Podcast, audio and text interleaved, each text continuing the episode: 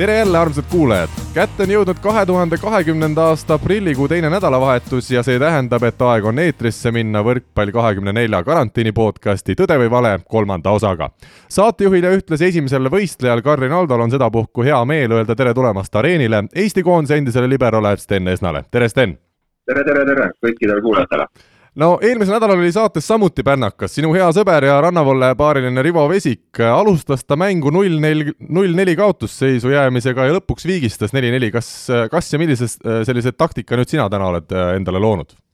no ma proovin ikka kohe startida hästi, et no Rivo on alati olnud selline aeglane, aeglane stardimees, aga mul on hea meel, et sõber sai jalad alla ja, ja lõpuks ikkagi tegi korraliku sprindi lõpus no arvestades seda, et see saade on selline natukene teistsugune kui ütleme, keskmine raadiosaade, siis kuidas sina valmistusid, kas ikkagi peegli ees üritasid kõik need valed lood, mis sul siin ka täna ette on tulemas, kuidagi väga sirge näoga ära rääkida?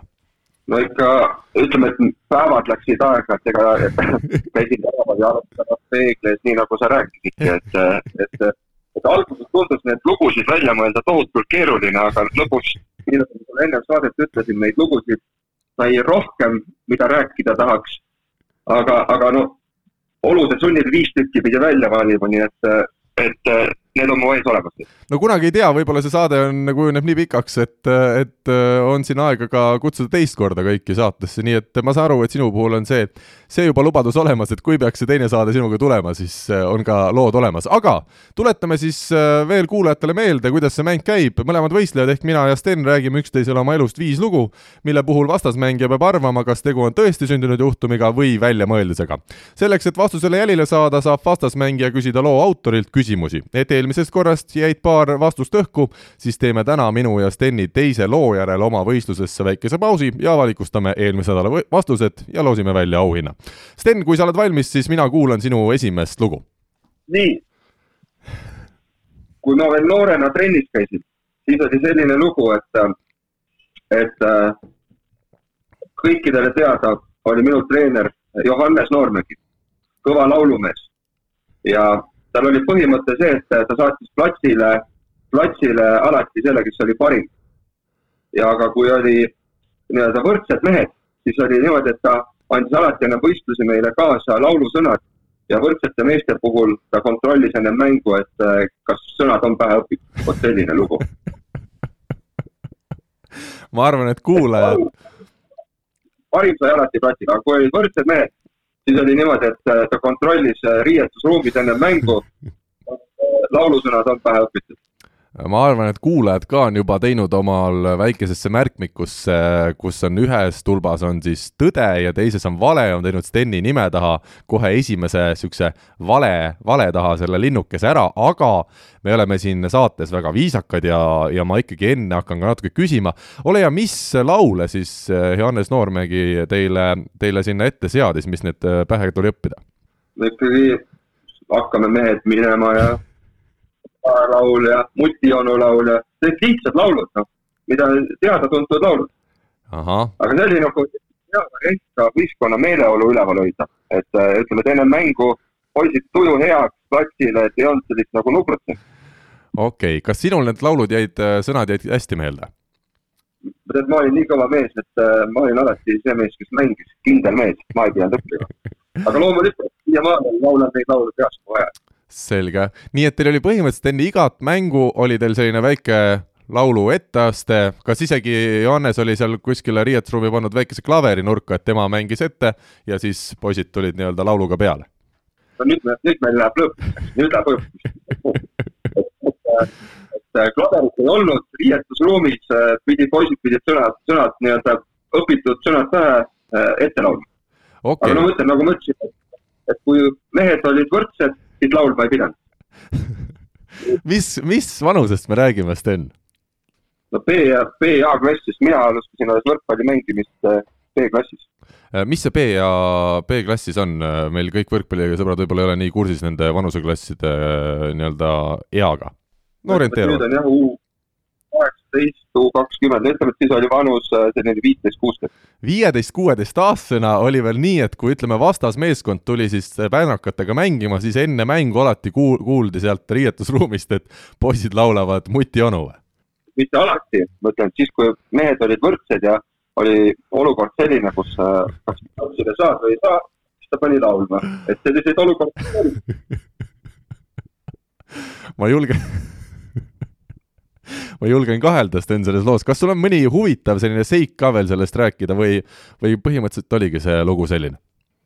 kas ma võin arvama hakata, ühesõnaga, minu küsimus? võib arvama hakata, no kui sa praegu ette kujutad, et mehed peavad riietusruumis laulma, arvad, kas meestel oli naljakas või? ma arvan, et oli ikka. no vot, vot see on juba naljakas seik. kes teil seal äh, tulevastest äh, spordimeestest seal äh, meeskonnas siis tol hetkel olid? No kui ma vanematega käisin ka, siis näiteks Pajusalu oli, Pajusalu minust oli aasta, aasta vanem, et ma arvan, et võib-olla teis, teisi nooremaid, keda sa, kes Eesti rahvuskoondisse välja jõudis, meie pundist, pundist ei tulnud, et Aha. või meie vanuse. et Meresaar oli kaks aastat vanem minust, et noh, et eks sa võid küsida, kuidas temal need laulusõnad pähe jäid. ma küsin, kuidas jäid temal need laulusõnad pähe? vaata, Meresaar oli ka selline äh, äh, nagu alati mees, kes oli platsi peal, nagu ma ütlesin, et, et äh, parim, parim, parimad mehed said alati platsile, aga me räägime just nendest meestest, kes äh, olid sellised nagu need, kes korralikult trennis ei käinud või kui oli mingi ja, ja. selline mm. -hmm. Pidid laulma pullimehed, vaata võistkonnas peab pullimehi ka olema. ei, on, on, aga kahju, kui ainult pullimehed on, aga kas Raimo Pajusalu oli tenor, mäletad sa ka kuidagi seal lauluhäälest või kuidas te, kuidas te üksteist sedasi musikaalsel siis tasandil hindasite? no me oleme niisugused, niisugused mehed, kellel ikka, ütleme, et laulda lihtsalt ei oska. lihtsalt lõugasime ükski mees ei osanud laulda? Koolis muusikaõpetaja pani nelja sellepärast, et tal hakkas must kahju lihtsalt, ma ei oska laulda. Äh, Sten, aitab küll, äh, ma ütlen, et see lugu, mis sa räägid, äh, kuigi sellel on nagu selline tõeterakene sees, miks mitte panna poisse laulma, aga kas nüüd just selle järgi panna poisse algkoosseisus väljakule enne iga mängu, mina arvan, Sten, et sina praegu luiskad. jah, sul on õigus kas see lugu on täiesti välja mõeldud või on mingi tõetera ongi seal sees ka või äh,? ei ole, ei ole, selles mõttes, et ma mõtlesin lapsepõlve ajale kaasa, et äh, mõtlesin, et mis loo ma räägin, mõtlesin, et paneks äkki kas laulu, kivikääri, paber, et treener kuidagi peab ju ütleme, treenerina ma olen ise selles olukorras, et sa pead mingeid otsuseid tegema, et noh, põnev on ju, kui sa suudad selle mänguliselt väga õige. Äh, sa küll lubasid suure suuga enne selle mängu algust, et sa alustad niisuguse äh, sprinterliku stardiga, aga oled ikkagi läinud sama teed nagu Rivo. üks-null, mina asun kohtumist juhtima ja Sten, äh, nüüd loen ma sulle ette oma esimese loo. kord anti mul, kord anti mulle pangast kolme tuhande krooni asemel kolm tuhat eurot. Nonii, nii, nii, nii., korda uuesti, kolme tuhande krooni asemel anti kolm tuhat eurot. jah, läksin panka, anti kolme tuhande krooni asemel kolm tuhat eurot. millal see oli?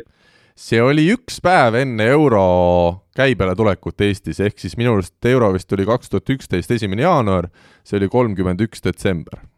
selge. millises pangas sa käisid siis? Äh, Swedbank või Hansapank, ma ei oskagi, ma ei mäleta, mis see tol hetkel oli, ilmselt siis oli juba Swedbank. selge ja teller, sina küsisid telleri käest kolm tuhat krooni, ta andis sulle kolm tuhat eurot. jah, mina olin teinud äh, tööd ja, ja tahtsin siis raha välja võtta, mul kuidagi see tol hetkel vähemalt äh, tundus, et äh, kõige kindlam on raha panna ikkagi kuskile sahtlisse. ja, ja läksin sinna võtma oma seda kolme tuhandet krooni välja, aga kuna seal pangas ilmselt siis olid just viimased ettevalmistused euro tulekuks, siis andis see teller mulle juba kolm tuhat eurot. käe peale no sedasi, et see rahapatakas tuli sealt masinast välja ja, ja nii ta andis mulle selle. selge. ja sina ausa mehena võtsid vastu ja läksid, läksid äh, tead, tegid selle rahaga? ausalt öeldes mina ei osanud seda nii mõelda, ma olin kuidagi, mina, kui sa lähed panka, sa ikkagi nii palju usaldad neid, et sa ei hakka mõtlema, mida ta annab ja palju ta annab, kui sul ikkagi teller annab raha kätte, siis sa võtad selle ja lähed minema ja ma alles teel koju, kui ma olin raha pannud juba ära rahakotti, siis ma hakkasin mõtlema, et aga need olid ju eurod, mis ma sain. see oli, ütleme, magistralikeskus, mina ise, ise elan Mustamäel seal magistralikeskusest umbes kilomeetri kaugusel ja sellel poolel teel sinna koju ma siis tab-, taipasin või tabasin end mõttelt, et need olid ju eurod. ja ma läksin koju ja ma küsisin, helistasin äh, oma vanematele õigemini isale ja küsisin, mis ma tegema peaks. tema ütles, et, äh, et ega see pank nüüd sellest vaesemaks ei jää, et pank ju niikuinii supleb miljonites ja noh, see arvamus oli ka muidugi isal juurde, et Rootsi pank, et see niigi veab ainult raha välja Eestist, et see oli väike kingitus sulle, võta seda kui kingitust ja ja see on praegu esimene kord, kui ma avalikult sedasi selle jutuga, siis ma loodan, et Swedbanki inimesed ei kuula, ma olen siiamaani klient seal, nad võib-olla võtavad maha muidu selle raha. paned intressi ka juurde või? see, ma loodan, et mitte, ma loodan, et mitte, see oleks päris kõva intress üheksa aastaga. no vot. Nii et selline lugu. ma ütlen, või, või veel küsida midagi või? no ükskõik, lugu on selge ühesõnaga, kolme tuhande krooni asemel sain mina kolm tuhat eurot ja see raha kulus kenasti sedasi ära ikkagi inimesel, kes käib viimases gümnaasiumiklassis ja kellel teenistus puudub. igapäevane teenistus. nii, Karl, sind tundub, ma arvan, et, äh, et sa endale seda raha poleks jätnud. arvad sa tõesti seda, nii? Seda, seda ma, ma arvan, et sa oleks selle tagasi viinud, ma arvan. jah äh,. pank vist teab, ma, tead, ma arvan, et see on äh, vale. sa arvad, et see on vale? paneme lukku selle ja. vastuse paneme lukku, paneme lukku. ja võtame ta lukust välja, ma pean tunnistama, et sul on õigus, see lugu on täiesti välja mõeldud, ei ole ma kahjuks kolme tuhande krooni asemel kolme tuhandet eurot saanud, väga kahju, eks? jess, ma alustasin paremini kui Rivo võib juba nii öelda. üks-üks seisult, me läheme, Sten, sinu teise loo juurde. nii. võtame sellise, kui ma Prantsusmaal mängisin, siis oli selline, selline juhtum mul, kus äh, Äh, mul käis hea sõber Rivo külas ja mul oli ah, autol äh, läksid kiirteel pidurid peale ja meil tuli politsei sinna ja, ja eskortis meid äh,, auto jäi sinna, kuna autot ei saanud enam liigutada ja meid äh, viidi politseisse, kuna meil ei olnud mitte mingeid dokumente, Rivo oli just minust kuskilt võistlustelt tulnud, nii et ta nägi välja nagu immigrant. ja siis meid viidi politseijaoskonda, kuni siis lõpuks äh, klubi esindaja tuli ja meid välja päästis. nii, see oli sinu auto, mille sa olid siis saanud klubi käest äh, selleks hooajaks kasutamiseks? Äh, jah, jah.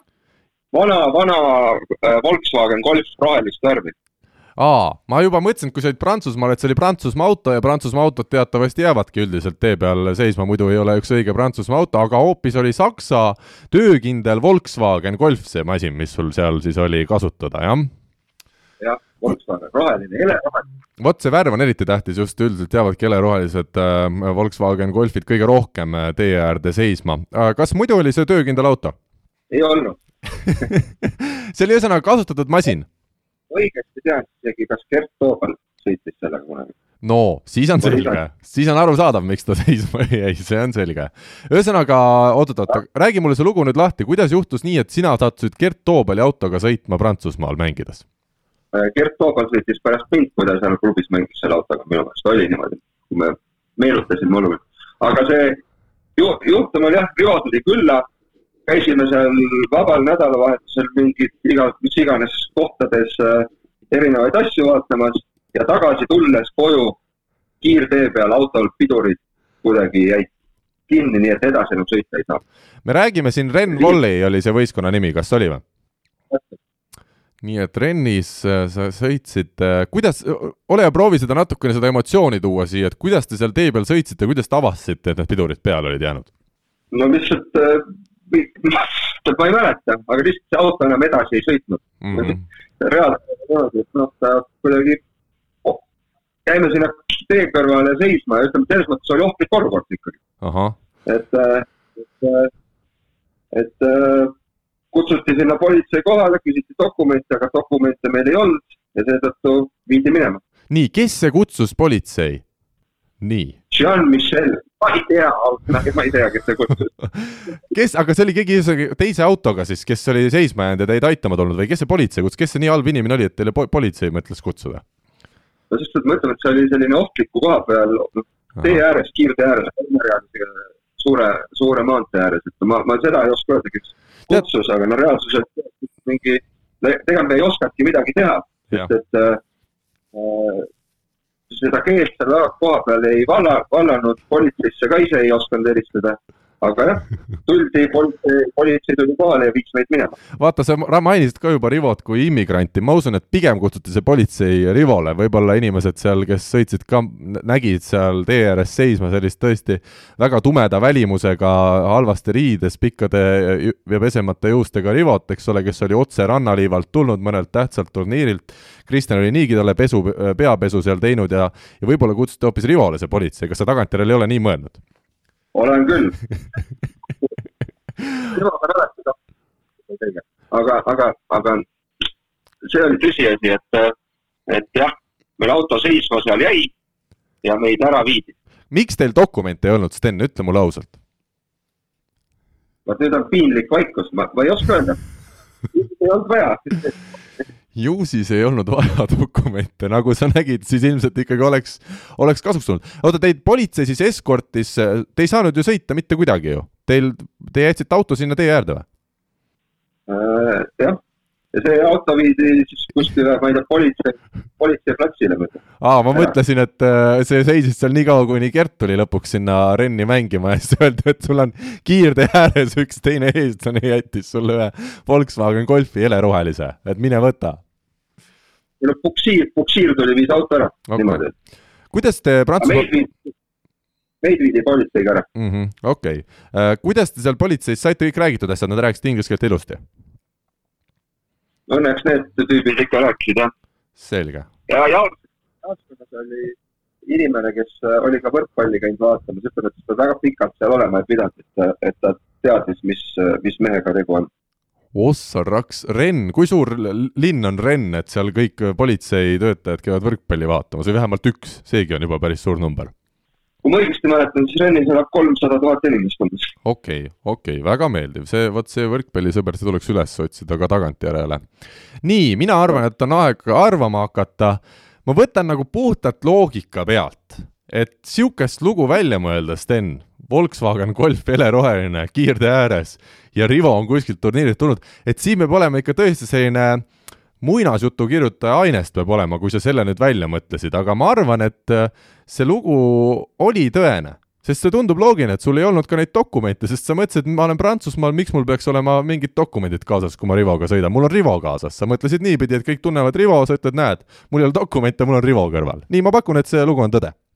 See on äh, tõsi, tõsilugu, punkt läheb sulle, see on tõsi selles mõttes no, ütleme, et äh, tagantjärgi mõelda, et ta oli naljakas, aga too hetk siis, kui me seal olukorras olime, et äh, see auto jäi jah, mingi niisugune kiirtee mahasõidu juures seisma. Õnneks ta oli suht meil nagu kodu, kodu lähedal, ma mäletan. aga, aga siis jah, kutsuti seal politseid, asjad kohale ja eks me niimoodi seal seiklesime, et okay., on, mida meenutada no ja sa olid siis ju ikkagi suhteliselt noor mängumees ka, sa ei olnud niisugune elukogenud, kes kes noh, oleks juba elu näinud nii palju, et sa olid ju suhteliselt noor mängija ja ei teadnud üldse, mis jama sealt võib veel järgneda niisuguse olukorra puhul? no ütleme, et jah, et seal kohapeal neid pidurkettaid ei oleks osanud lahti näppida. aga Gert tõesti sõitis selle autoga pärast siis veel või? minu meelest oli, et kui ta aastaid hiljem sinna läks, siis äh, kas talle taheti sedasamat autot anda või ka anti, ma seda täpselt ei tea, aga minu meelest seal oli, oli see lugu selge, väga hea, aga siis äh, tore, tore kuulda selliseid seiklusi minu arust, ega neid väga muidu ei tulegi ette kui sellises saate puhul, kus neid peab, äh, peab nii-öelda meelde tuletama, igatahes mina olen asunud seda kohtumist kaks-üks juhtima ja Sten, loen sulle siis oma teise loo. Kord noore ajakirjanikuna ta tahtsin ma teha intervjuu Sten Esnaga, aga helistasin kogemata hoopis Asko Esnale. niisugune lugu ma ütlen, et me oleme jälle, ma ütlen vahele nii palju, et Sten on kodus, istub sedasi, kell on pühapäeva hommikul kümme saanud, kui me seda saadet lindistame ja ta, ja ta mattus mõtetesse, nii nagu Rivo eelmisel nädalal minu lugusid kuuldes, et see ei ole, ma saan aru, et see ei ole lihtne.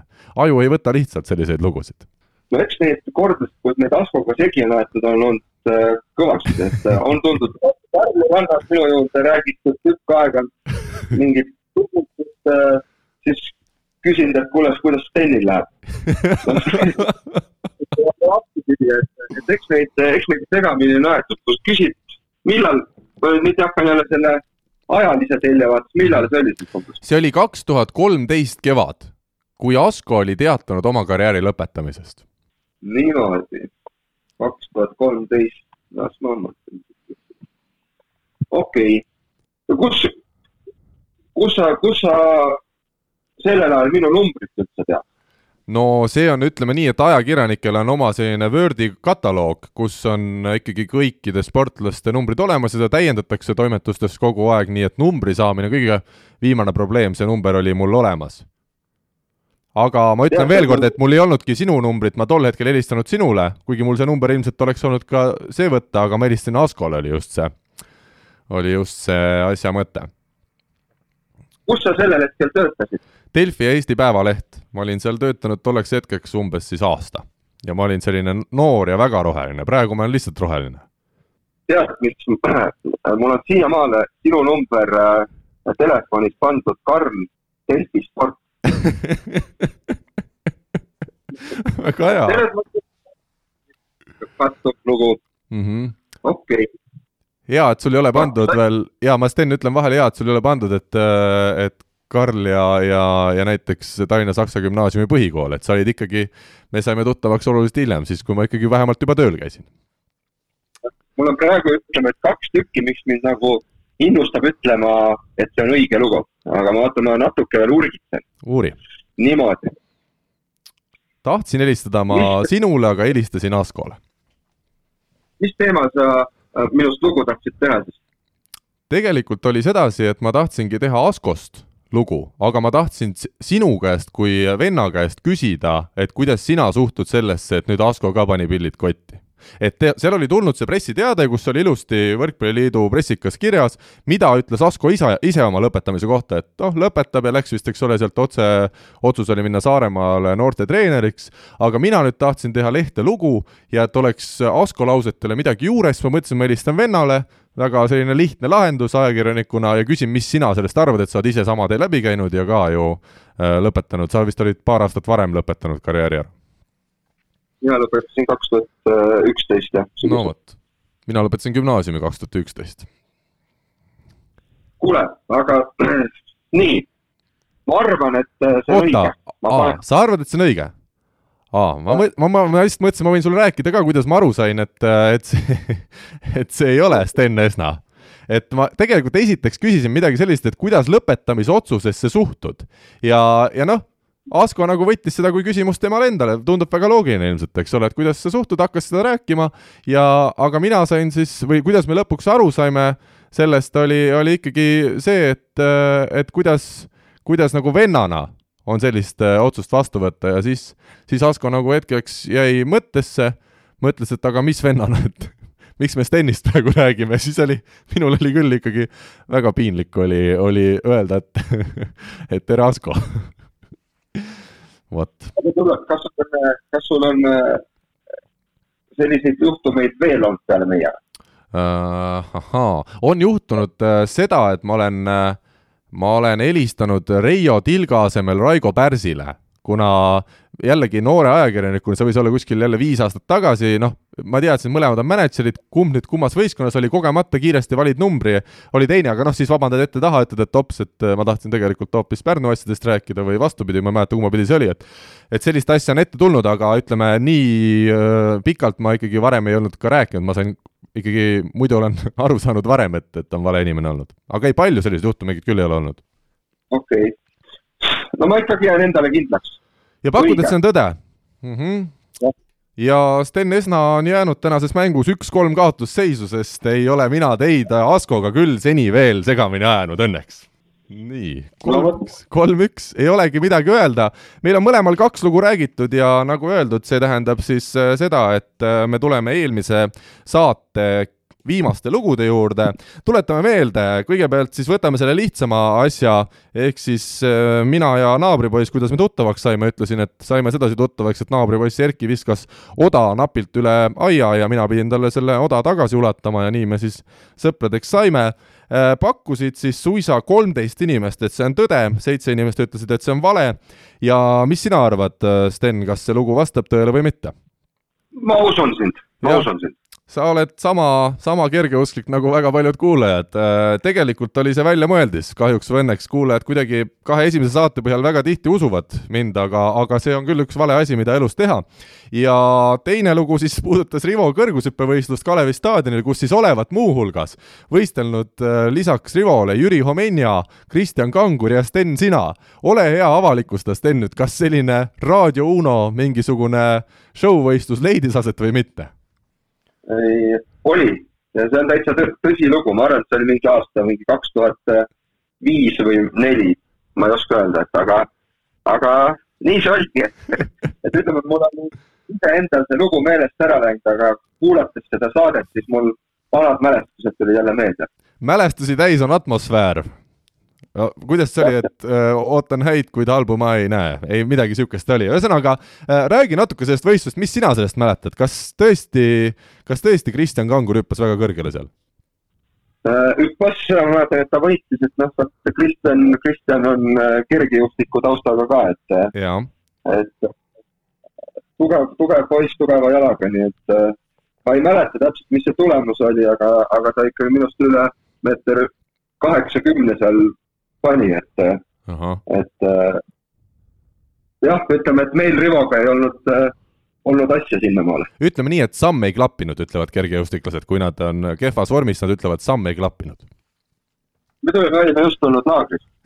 meile, me, me ei ajastanud selleks, selleks, selleks võistluseks enda vormi aga kust Jüri Homenja oli tulnud, vaat seda ei tea keegi, aga ma ütlen ainult nii palju, et Rivo pärast saadet tunnistas, et kui ta saates mainis, et Jüri Homenja ületas üks kolmkümmend koos kitarriga, siis see osa sellest loost ei vastanud tõele. tegelikult Jüri Homenja hüppas ilma kitarrita üks kolmkümmend, ma ütlen nii palju, et Rivo loo puhul pakkusid tõde seitse inimest ja vale kolmteist inimest, nii et siin ka ütleme siis keskmine Eesti võrkpallisõber ikkagi arvas pigem valesti, nii et Rivo lugu oli õige, minu oma vale, meil oli kokkuvõttes kaks inimest, kes teadsid seda, äh, millised siis need, kas see on tõde või vale, need äh, lood äh, said siis mõlemale pihta ja ole hea, Sten, ühest kaheni, üks number. üks.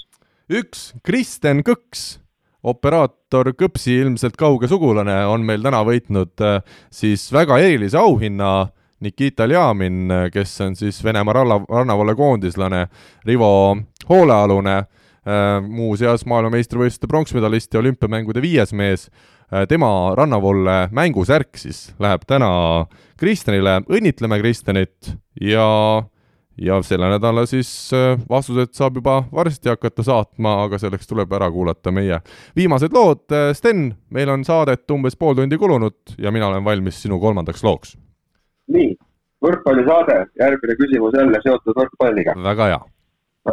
ja ma ei saa jälle ümber Rivost. me käisime Rivoga, läksime esile, esimesele Euroopa meistrivõistluste rannavoole etapile Türki. meil oli, kui ma õigesti mäletan, mingi kakssada dollarit kahe peale ja kui nii-öelda päeva ja söögiraha võistluseks.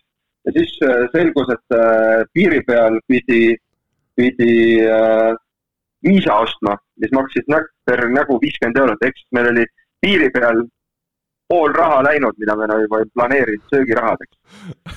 ja kuna seal toimus äh, see EM-i turniir, siis äh, seal oli äh, kes oli joogi, joogi nii-öelda sponsor, siis me kogusime Rivoga purke, et saada söögiraha ja pärast kebaabi osta, vot selline lugu. Kogusime purke, et saada sõiduraha. ja purkide all sa siis pead silmas äh, neid, äh, mis sa said taarasse viia ja,? jah, jah. ahah, okei okay..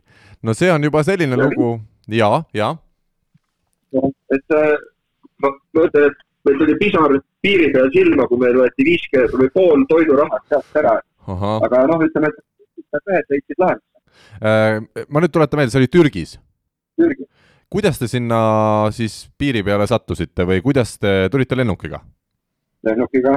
nii, siis tuli see tavaline kontroll, eks ole, siis oli veel vist ilmselt passikontroll, ma eeldan, ja siis öeldi, et teil on vaja viisade eest käia sada eurot välja või sada dollarit. täpselt, täpselt. ja, ja okay.. meil oli niisugune, lennu, lennukompaniiga läksin nagu auringomatkad. oo, jaa, kuulus Soome legendaarne auringomatkad, ei kus, millega muuga sa läksid kahe tuhande, eks ole, alguses ikka auringomatkad viisid. Äh, ma küsin sedasi, et, äh, et kas te nagu eeltööd selles suhtes ei olnud teinud, et, äh, et, et nüüd mingisugune viisamaks seal võiks olla või et te mõtlesitegi, lähete Türki ja ainus kulu, mis on, on toidu peale? no põhimõtteliselt meil oli niisugune pakettreis et nädala ajal saime seal olla. ja, ja meie ei osanud seda arvata, et äh, piiri peal peab mingi viisa, viisa ostma, meile siin Eesti poole peal ei öeldud seda okei okay,, nii, selge. ma küsin nii, et kui te neid pudeleid korjasite, kas te tegelikult siis lõpuks isegi jõudsite plussi selle tegutsemisega, et te saite üle saja dollari? ei, turniiri lõpuks me olime ikka kõvasti plussis kas te mingit auhinnaraha ka saite, kuidas teil läks see turniir äh,? hästi, me jõudsime põhiturniirile, kvalifikatsioonis võitsime äh,, ma ei mäleta, kas äh, meil oli kolm võistkonda ja me otsustavas mängus võitsime vist türklasi, kui ma õigesti mäletan. ja see põhi, põhiturniirile, nii et äh, see oli minul esimene, mängijana esimest korda, kui ma EM-i etapil põhiturniirile jõudsin okei okay,, okei okay,, okei okay,, okei, okei. ma mõtlen nii, et kuidas see pudelite korjamine käis, et sa mängisid ära näiteks nende türklastega ja siis ütlesid, et hello, good game can you give me your puddles? Ei no seal oli ju selles mõttes, et äh, need mängijate pudelid korjati kokku, viidi sinna äh, nii-öelda, mis iganes see telk oli, kus need mängijad said oma jooke, asju võtta. Ja sealt me Rivoga panime oma kotti ja, ja sealt sai vabalt võtta, et ega see keegi ei kontrollinud. seda ah soo, et see oli selline siis rahaautomaat põhimõtteliselt, kus sa võisid minna sinna, panid pudelid kotti, läksid, viisid sinna siis äh, taara, taarasse ja, ja said hoopis rikkamaks. Äh, sa mainisid kebaabi, kas see kebaabi lugu vastab ka tõele, et ikkagi sportlased sõid äh, mängude vahel kebaabi? õhtul, õhtul sõime tõesti. ahah mm -hmm.. kahe tiimu vahel nii et pudelikorjajad Rivo ja Sten, nii et teil oli päev hästi ära jaotatud, et äh, alguses mängisite, pärast siis õhtul tegelesite pudelite äraviimise ja ühtlasi kebaabi söömisega, et selline mõnus vana hea auringomatkade reis, noh, nii nagu keskmine Soome pensionär läheb sinna Türki puhkama, ainult see, et noh, natuke kõksib võrkpalli ka ilmselt ja neid pudeleid ta võib-olla ei vii, aga õhtul ikka väike kebaab, nii et see oli selline väga selline soomlaslik reis, ütleme. ei, see oli väga tore. seal oli pärast äh, Kristjan ja Kaarel Kais olid otse põhiturniiril, meie saime läbi kvalifikatsiooni, et noh, nemad jõudsid hiljem kohale, et, et siis, siis läks elu, elu toredamaks. Kas teil konkurente pudelite peal ei olnud, et äh, ei olnud nii, et oli järjekord seal äh, pärast äh, mängupäeva lõppu ja, ja kõik tahtsid pudeleid saada, te olite ainsad sellised, ütleme, toredad erandid from Estonia. Ma jään vastuse sulle võlgu, ma ei tea, mida teised et ega, ega me niimoodi avalikult neid ju niimoodi ei läinud, et niimoodi, et me üritasime nihverdada, et teised arvasid. okei okay., väiksed nihverdajad Eestist. tead, äh, tead, Sten, äh, ma ütlen nii, et äh, et see tundub väga selline probleem, mis võis olla viisteist aastat tagasi Eesti noortel sportlastel mureks, et ei ole palju välismaal käinud, ei tea, et lisakulutusi ka alati tuleb ja ja miks mitte pudeleid korjata, mina tänasel päeval hea meelega viin neid pudeleid ära ja, ja ma arvan, et ka teie tegite seda hea meelega. ma pakun jälle, et sa, et sa ikkagi räägid tõde, sest äh, sellist lugu äh, on raske välja mõelda. kusjuures ma pean ütlema, et, äh, et see on vale, ei viidud, ei viidud. aga, aga see kõik, mis puudutab viisat, raha, see on selles mõttes tõsi, et meil oli kakssada dollarit nädala aja peale, sada läks ära, aga meil, mis nagu äh, läks hästi, oli see, et me saime põhiturniirile ja põhiturniiril äh, oli, meid vahetati nagu äh, või mängijate hotelli ja mängijate hotellis oli toit kõik tasuta. et, äh, et siis läks nagu elu ilusamaks, et aga no ütleme, et kui, kui seda poleks toona saanud, siis põhiturniirile poleks jõudnud, siis oleks ikkagi jah, keeruline olnud, aga, aga on, mida meenutada on ja väga lahe lugu, väga äge lugu, mina tõesti mõtlesin, et miks mitte pudelit, kui mina tean, et nii sina kui Rivo olete sellised äh, toredad Eesti mehed, kes ei löö risti ette mitte millegi ees, nii et äh, kui veel kas või tänasel päeval peaks neid pudeleid kuskil sedasi rippuma, ma arvan, et ta teeks selle ära, isegi kui siis selle peale veel ei osanud tulla sedasi. nii et äh, sinu kord. jah, minu kolmas lugu. Ja Sten, pane nüüd kõrvad kikki. staadioni teadvustaja kuulutas mind kord Eesti meistrivõistlustel teivashüppes medalimeheks, kuigi tegelikult jäin neljandaks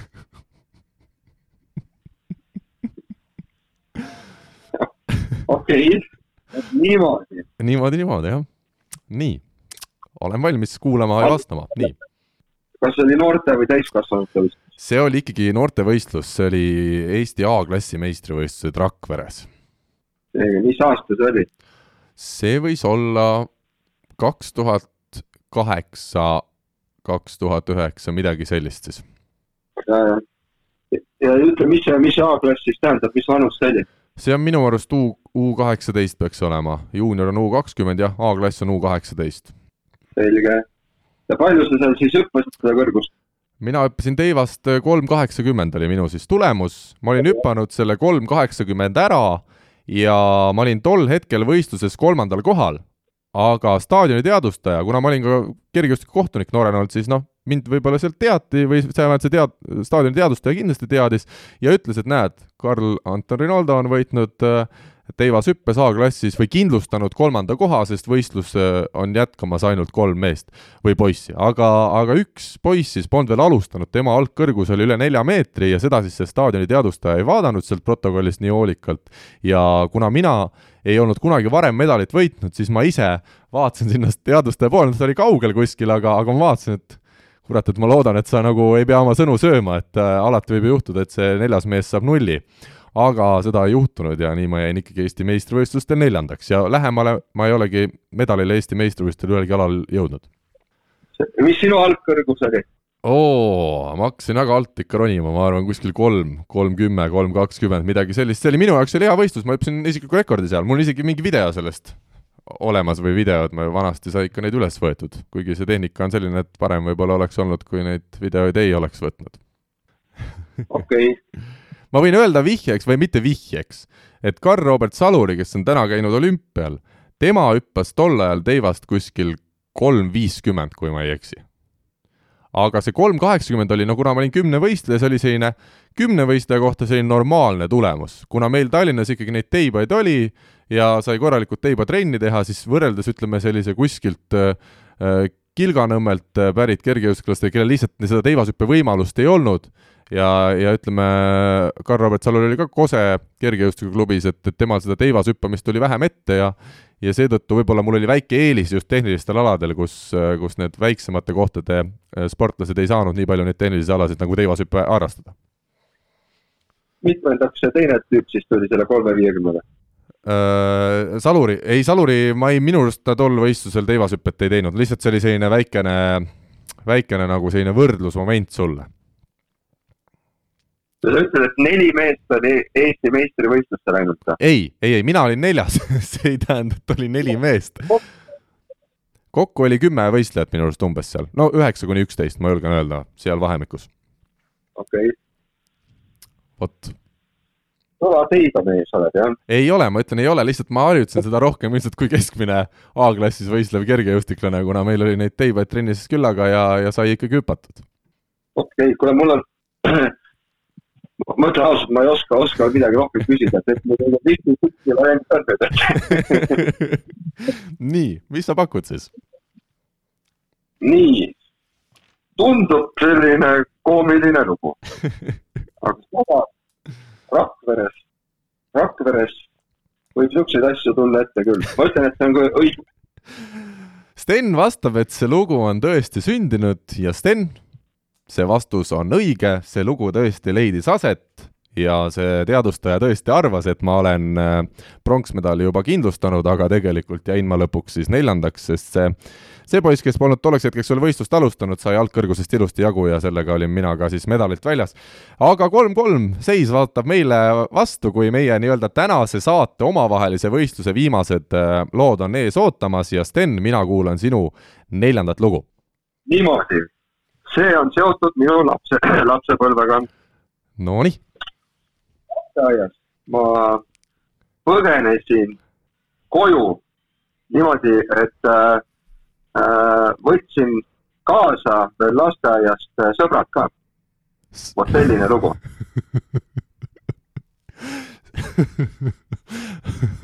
sa olid siis, ütleme, kuidas seda öeldakse, inimröövel, võib öelda? Praktiliselt jah, ju siis mulle lasteaias ei meeldinud.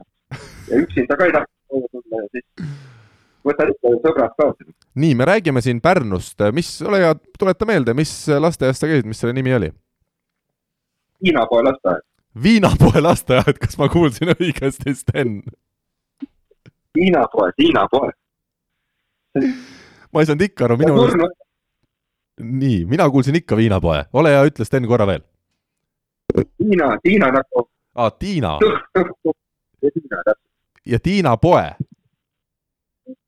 Tiina poe kõrval Tiinapoe lasteaed oleks ta viinapoe kõrval olnud, siis oleks olnud, olekski olnud viinapoe lasteaed, nii oh,. väga, väga huvitavalt, teil pandi, pandi Pärnus väga huvitavalt neid lasteaedade nimesid. kui oli Tiina pood ja tuli suur lasteaed kõrvale, siis pandi Tiinapoe lasteaed ma mäletan, mis selle lasteaia nimi oli ausalt luba, luba Sten, ma natuke veel naeran, sest see, see lugu tundub väga usutav. nii, räägi, kuidas siis, miks sa tahtsid põgeneda lasteaiast? No vaata, kui, kui ma seal lasteaias käin, ma arvan, ma olen mingi viie, viie-kuueaastane, et kui ma täpselt mäletaksin, siis ma ütleksin, aga no ju siis oli igav seal, noh, et ju siis ei olnud äh, midagi põnevat teha ja niisuguseid mõtteid ikka tuleb poiste pähe, noh. Ja, ja, ja nii, ja kuidas see siis välja nägi, te läksite siis, te leppisite poistega kokku, et te põgenete koju. kas sinu koju siis pidite kõik minema?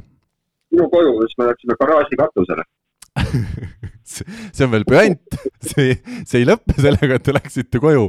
Te ei teinud mitte ainult kasvatajatele sellist meelehärmi, et te ära põgenesite, te tegite ka kogu sellele äh, teie kooperatiivile kodus seal meelehärmi, et te tulite, Varga näod, viie-kuueaastased, tulite kodu, kodu juurde ja hakkasite garaaži katusel möllama. nii, mitu poissi sinuga kaasas olid siis? viis-kuus. viis-kuus, nii, viis-kuus viis-kuus poissi tipa-tapa. võrkpallivõistkond. võrkpallivõistkond, see oli hea. nii, kas te läksite Tiina poest läbi ka enne, võtsite magusat katusele kaasa? ei läinud nii, okei okay,, okei okay.. kuidas teid lõpuks siis ah,, ma küsin enne, kui kaugel see garaaž või see kodu siis oli sellest lasteaiast? ma arvan, mingi kilomeeter viie-kuueaastased mütakad läksid kilomeetri kaugusele, see, see on ju ühest Pärnu otsast teise, see võib ju nii öelda. ega see Pärnu nii provints ka ei ole, Karl. aa, selge, selge, okei okay., nii äh,. kuidas siis teid tabati või kuidas see lugu lõppes? see lõppes niimoodi, et mul oli vanaema kodus, vanaema märkas, et on, siis ta andis äh, emale, emale teada, et, et äh, poiss siis, poisid on garaaži katusel, et tegelikult peaks olema äh, lasteaia. okei okay,, ja mis karistus järgnes või kuidas teid saati lasteaeda tagasi või, või mis te tegite? no ema, ema tuli vist jah, koju vist tagasi, et äh, seda osa ma isegi ei mäleta. aga vanaema ise seda ei mõelnud, et ta tuleks, tuleks siis ja, ja kupataks teid, ta helistas emale. ta tahtis, et ema ka natukene piinleks, ema pidi töölt tulema koju ja teid siis viima tagasi lasteaeda, jah? Vist nii oli, jah mida te poisid katusel tegite, räägi mulle selle, seda ka natukene. mängisime puuokstega. mängisite puuokstega seda ei saa ju tavapinna peal teha, seda peabki katusel tegema, kui sa oled Pärnus. väga õige, okei okay.. jah, garaaži katu sai pigine ka ju, see on hea neid sinna sisse lükata. ja, ja, ja enda ju riided ka ilusasti pigiseks teha, et emal veel pärast tööpäeva oleks sedasi topelttööd, eks ole. Nii, okei okay,, väga hea. ma mõtlengi nüüd nii, et sa rääkisid seda lugu sedasi, et äh, vaata, seda ma usuks isegi, aga et Tiina poe lasteaed mul see, ja, ja, Tiina poe lasteaed, kes meist siis ei oleks käinud Tiina poe lasteaia, lasteaias tead, Sten, mina ütlen nii, et see lugu on tore ja see võib olla tõsi. aga mina pakun, et see on vale jutt, mis sa räägid Äh, sa saad punkti juurde, see on selles mõttes, et ma rääkisin selle, selle võtmega, see on tõsi, tõesti sündinud lugu. aga sellega on minu vend. aa, ikkagi kuulus Asko, nii et sa ajasid praegu ise ka sassi praegu ennast ja Askot võib öelda sedasi naljaga pooleks. täpselt, täpselt, see on aktuaalne teema täna. väga hea, väga hea. meil on sarnased lood. nii.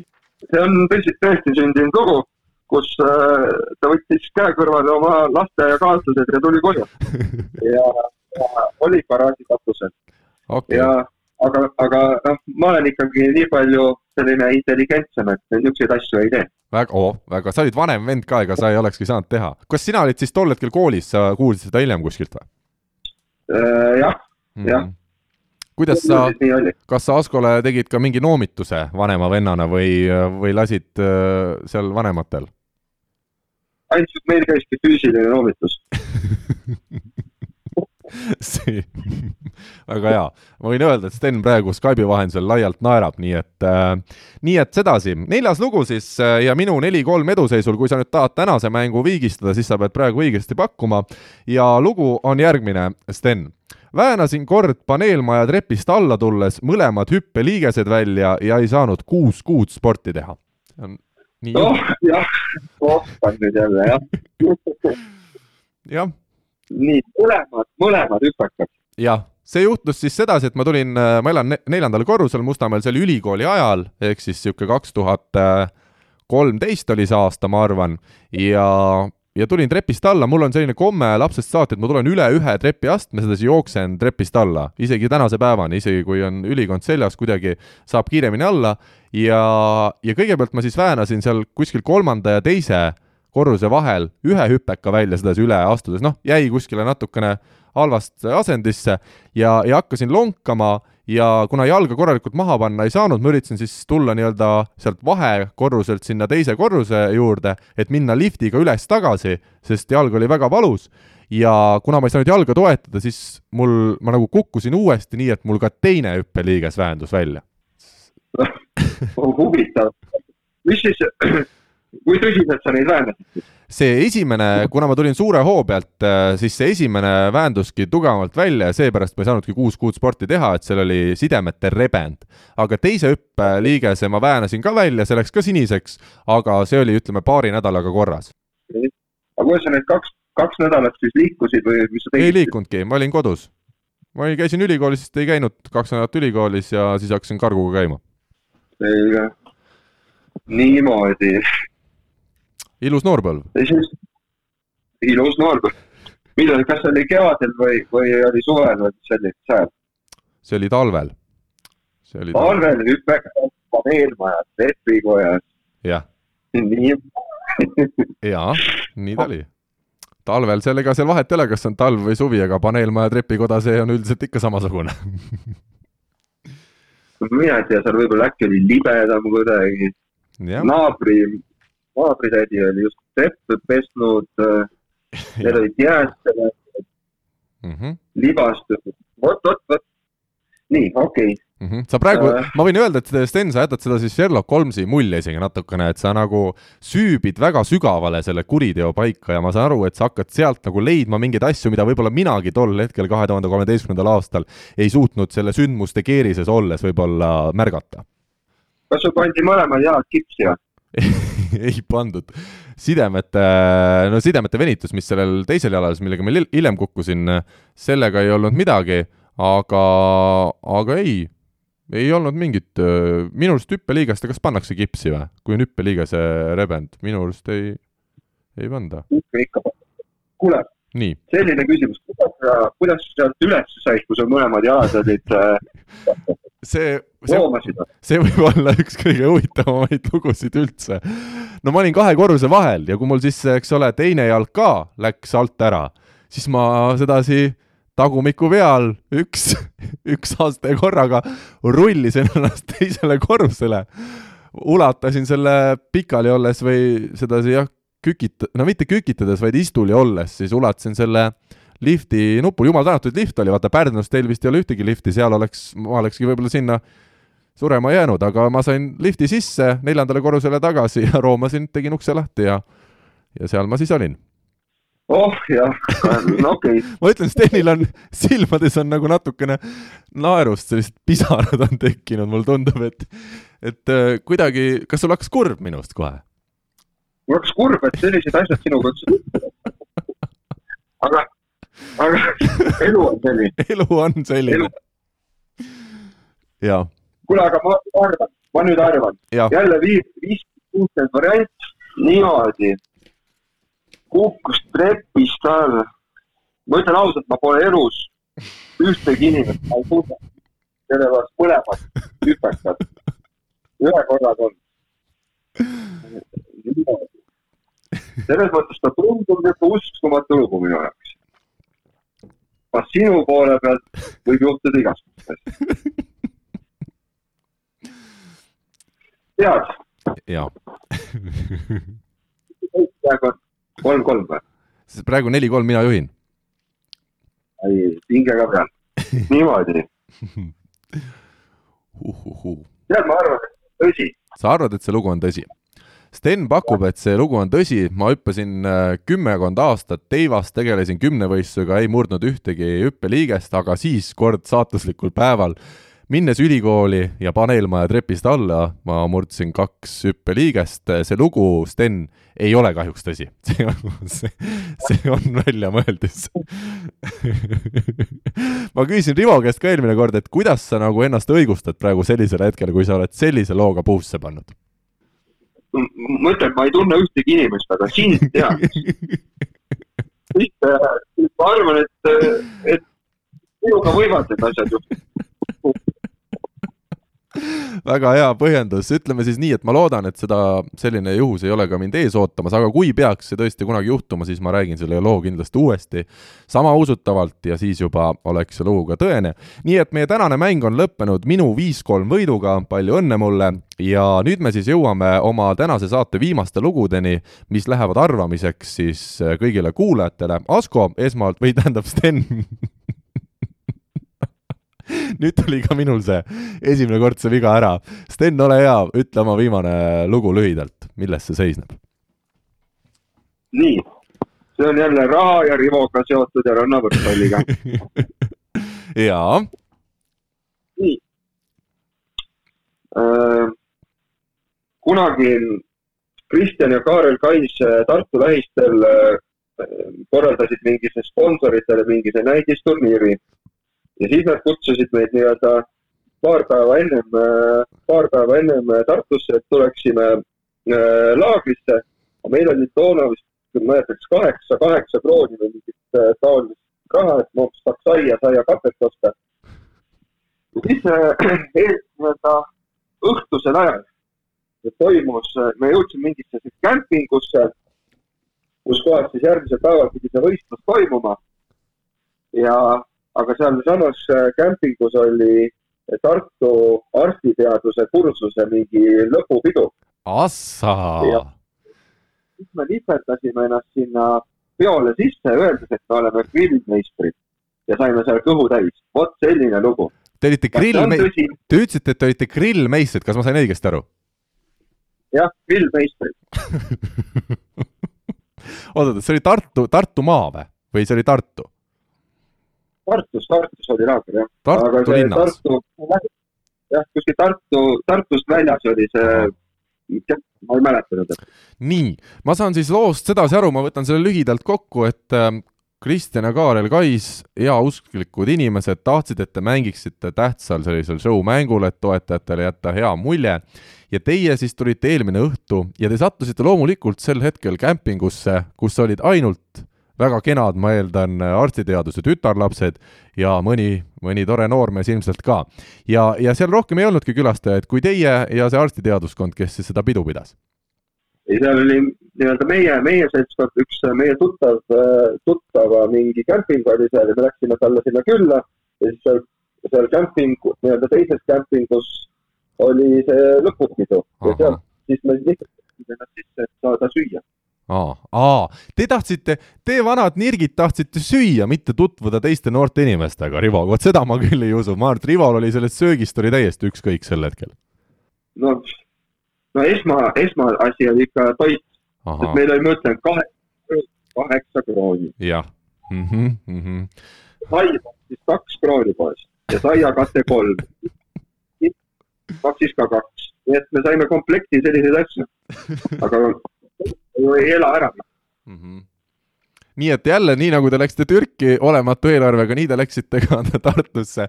miks teil siis rohkem raha ei olnud, kus te ku,, kuidas te elasite, kuidas te üldse oma eluga hakkama saite? näed, täna me, täna me räägime, Rivo on maailmameistrite treener ja on, mida meenutada, ütleme niimoodi. muidu, et ei sünniks. ahah, mhm, okei okay mina ütlen nii palju, et ega arstiteadustes õpivad Tartus tänase päevani väga, väga, väga meeldivad isikud. seda ma võin sulle, Sten, öelda. et seda ma saan aru, et see oli tore üritus ja seal oli ilmselt see liha oli sama tore nagu need inimesed, ma arvan, niisugune hästi küpsetatud ja, ja mõnusa, mõnusa kastmega. no ütleme, et kõhu sai täis ja tuju heaks kuidas see õhtu lõppes, te läksite, sõite ära ja kohe viie minutiga sõite ära ja panite sinna tuppa magama või ikkagi te võtsite osa ka sellest äh, ametlikust poolest, mis, äh, mis siis grillmeistritena ikkagi arstiteaduskonna sellisel äh, üritusel käib asjaga kaasas? selles mõttes seal oli mingi turvamees, kes meid lõpuks välja viskas. aa, et tavaliselt ongi nii, et kui grillliha saab otsa, siis need grillmeistrid visatakse turvameeste poolt välja, ma saan aru siis ju siis vaadati, et mingid imelikud tüübid ja turvamees tuli kohale ja viskas meid välja. kuidas teie riietus tol hetkel oli, kas see oli teistsugune võrreldes, kas arstid olid ikkagi arsti selliste valgete kitlitega ja need sussikesed seal otsas ja siis tulite teie sellised rannalõvid, tumepruunid ja, ja lühikesed püksid jalas? me tavaline vaba aja rõivastus oli meil seljas. no aga tol ajal? ütle viimane, ütle see viimane lause uuesti, meil kuidagi, ma ei kuulnud seda viimast lauset ei olnud kuskil kliinikumis, me olime sellised tava, tava, tavaliste rõivastega. okei okay,, okei okay. ja nii, et ühtegi silmarõõmu sellest õhtust ei tekkinud, et pigem see oli ikkagi äh,, silmale pakkus rõõmu see grillliha, mis seal oli? grillliha ja meil oli armastus spordi vastu, võrkpalli vastu. ahah, selge armastus, kuidas teil see järgmisel päeval see mäng läks, räägi mulle.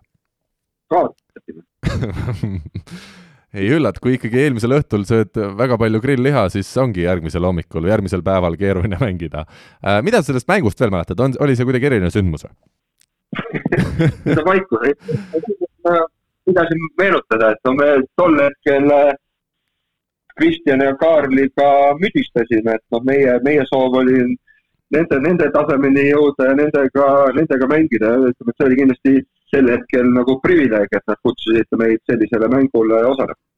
Selge, selge ja teie siis omakorda näitasite austust vastu sellega, et te kaotasite selle mängu? ega me tahtlikult ei kaotanud, vastane oli parem. vastane oli parem, selge. no nii, mina arvan, et seda lugu on nüüd kuulatud küll, Sten, see oli ilus lugu tervitused siis, ma, kas sa pärast oled ka Tartus, ma lihtsalt ütlen, või kuskil mujal Eestis arsti juures käies näinud, aa, kuule, mäletad, kui ma koos sinuga seda Gruusia šašlõkki võtsin sealt, sealt veranda äärest? Ei ole ma selge, selge, väga hea. nii, mina ütlen, Sten, ära sina ütle, kas see lugu on tõsi või vale. mina lihtsalt, kui mina nüüd peaksin tavalise sellise lihtsureliku kuulajana arvama, siis ma arvaksin, et see lugu on tõsi, sest, sest kes meist siis ei tahaks head seltskonda ja grillliha. aga, aga jätame siis kõigile kuulajatele võimaluse pakkuda oma variante sellest loost, on see tõde või vale. info et võrkpalli24.ee ja võrkpalli24 Facebookile sõnumid on ikka need kohad, kuhu saab vastuseid saata. seekord meil läheb Arctic Spordi siis spordijoogi selline väikene, kuidas öelda, kast on võib-olla palju öeldud, aga igatahes selline väike pakikene läheb välja ja nüüd tuleme siis minu viimase loo juurde, Sten äh,, oled sa valmis? olen, kuulan siis lõime kord Saaremaa võrkpalliklubi ja Eesti koondise nurgaründaja Rauno Tammega lennukis kahe mehe bändi ja salvestasime kohe ka oma esimese loo. ma ütlen nii palju, et äh, Sten on seda lookest kuulnud siin saate eel ja kõik kuulajad äh, saavad siis seda saate nii-öelda lõppu jäävat lugu kuulma siis pärast seda, kui me oleme saate äh, sõnades lõpetanud, aga, aga Sten, on sul küsimusi? ei ole, ma tahaks veel kuulata seda no okei okay,, okei okay,, okei okay., ma võin sulle vahepeal lasta seda, ma võin sulle vahepeal lasta seda. nii.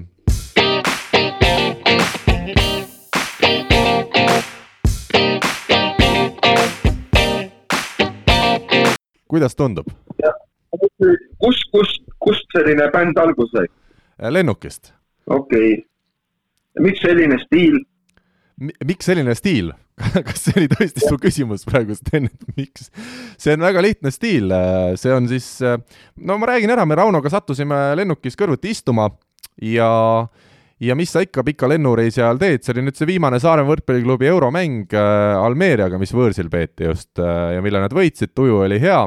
ja, ja mis sa siis ikka seal lennukis teed äh,, Raunal oli tõmmatud alla oma siis telefoni selline äpp, millega sai muusikat teha. Ja kuna mina olen kitarri mänginud elus, siis äh, mina mängisin, noh, seal sai nii-öelda tõmmata neid äh, kitarrikeeli ja sai seal erinevaid akorde tõmmata. Ja mina siis mängisin sisse selle kitarri osa ja, ja Rauno siis sealt timmis pärast need trummid sinna taha ja, ja lõpuks selline muusikapala saigi, ma võin öelda, et see väga ke-, kena nii-öelda muusikaline etteaste, see jõudis ka kohe näiteks Artis Sykesini, Reto Kiigerini ja Henri Treialini, hei, Henri Treialini, nii oli vist õigesti öeldud. ja kõik kiitsid heaks selle, muidugi kerge muige saatel, aga selline lugu sai tõesti loodud ja nüüd meil on Raunoga ainult, ainult Tähed taevas on veel meil ees, et, et ma arvan, siit tuleb üks ilus muusikukarjäär meil Raunoga. mis see bändi nimi on? Lovely Boys. väga, väga armas nimi jah. selge. kes teile bändi mänedžer on? Äh,. Rauno. selge, miks sina selleks ei saanud äh,? meil oli konkurss, me saime mõlemad ühe hääle ja siis äh, tegime kiivapaberi-käärid ja Rauno võitis. selge uh.. nüüd on sama lugu, et mina saan, ma saan aru, arvata, arvata, et. jaa äh, sa võid arvata, see, ma lihtsalt ütlen, et, et see on, see on tore lugu ja tõesti, me Raunoga planeerime siin tulevikus veel teha koostööd pärast koroona lõppu võib-olla, võib-olla isegi mõni selline kodukontori esinemine, Facebook Live, Delfis näiteks, aga noh, meil on praegu ainult üks lugu ja seegi lugu on selline kolmkümmend sekundit, et see ei ole võib-olla, praegu me ei ole veel valmis produkt, Lovely Boys, no ainult see bändi nimi on, on tõesti Lovely. oota, aga mis selle loo nimi oli? Loo nimi, äh, me ei ole seda veel pannud, aga ma arvan, et see võiks olla ähm, ma, ma võin kohe mõelda siin, kuna see, see muusika annab mulle palju inspiratsiooni mul on raske tõsiseks jääda selle loo puhul. nii, Sten, ma kutsun ennast korrale. mis nime alla ta sul arvutisse praegu salvestatud on? nii, arvutisse on ta salvestatud, ma kohe ütlen sulle, fsft punkt mp3 selge, aitäh. nii et selle loo nimi nii. ongi FSFD siis praegu võib nii öelda oh jah, kuule, mina, ma arvan, et sa, et, et, et see on tõsi, et mingi asja kokku nikerdasite. kas ta nüüd tõi Lovely Boys ja muud asjad juurde, seda ma ei tea, aga ma arvan, et olles reisil ise käinud, siis ja võistlusreisidel, siis seal tuleb igasuguseid hulle mõtteid pähe nii et Sten pakub meie tänase saate viimase loo puhul, et tegu on tõesti sündinud looga, mina ja Rauno Tamme siis äh, lennukis Hispaaniast tagasi Tallinnasse tulles lõime sellise muusikalise palakese. ma ütlen veel vahele, et see tagasireis tuli ka väga rahulikult äh, ja möödus ikkagi suhteliselt kiiresti, sest kui me läksime, siis me tegime mäletatavasti Prantsusmaal hädamaandumise, et tagasi tulles oligi võib-olla see meie muusikaline etteaste oli kõige rohkem pani kihama seda lennuki rahvast seal. okei okay. no, selge, aga Sten, mina tänan sind väga nende toredate lugude eest. minu arust, minu arust oli sinuga seda saadet tore teha ja, ja ma, ja ma usun, et, et kuulajatel peaks nüüd küll natukene nuputamist terveks nädalaks olema. ja ma ütlen ka nii, et jälle meie legendaarne kuulaja Aare Alba oli ikkagi ka osaline ja, ja mulle meeldib see, võib-olla siit võiksid teised kuulajad ka šnitti võtta, et kui ikkagi vastama asud, siis kogu pere tuleb tuua laua äärde, katta see laud hea paremaga ja ja kes teab, siis võib-olla see õige vastus tuleb, ma võin sulle, ma võin nii palju öelda kuulajatele, et Kristjan Kõks, kes meie seekordse siis mängu võitis sel nädalal, tema kõrval see teine õigesti vastaja oli ka Aare Alba. nii et kui teha asja, siis ikkagi, ikkagi sedasi, et et perekond koos karantiini ajal eriti hästi see mõjub. Sten, kui sul on lõpetuseks veel midagi ilusat kuulajatele öelda sellise toreda saate lõppu? ei no mina soovin igal juhul, et et selline mõtteharjutus igale inimesele on äh, väga hea, et äh, mõelge, mis teil toredat lapsepõlves juhtus ja, ja pakkuge, pakkuge endale ja sõpradele rõõmu. täpselt nii. Äh, jääb siis meie tänast saadet lõpetama väidetavalt minu ja Rauno Tamme poolt tehtud muusikaline pala. meie täname aga kõiki kuulajaid ja kohtume loodetavasti uuesti juba nädala aja pärast. olge tublid! kõike head, parimat!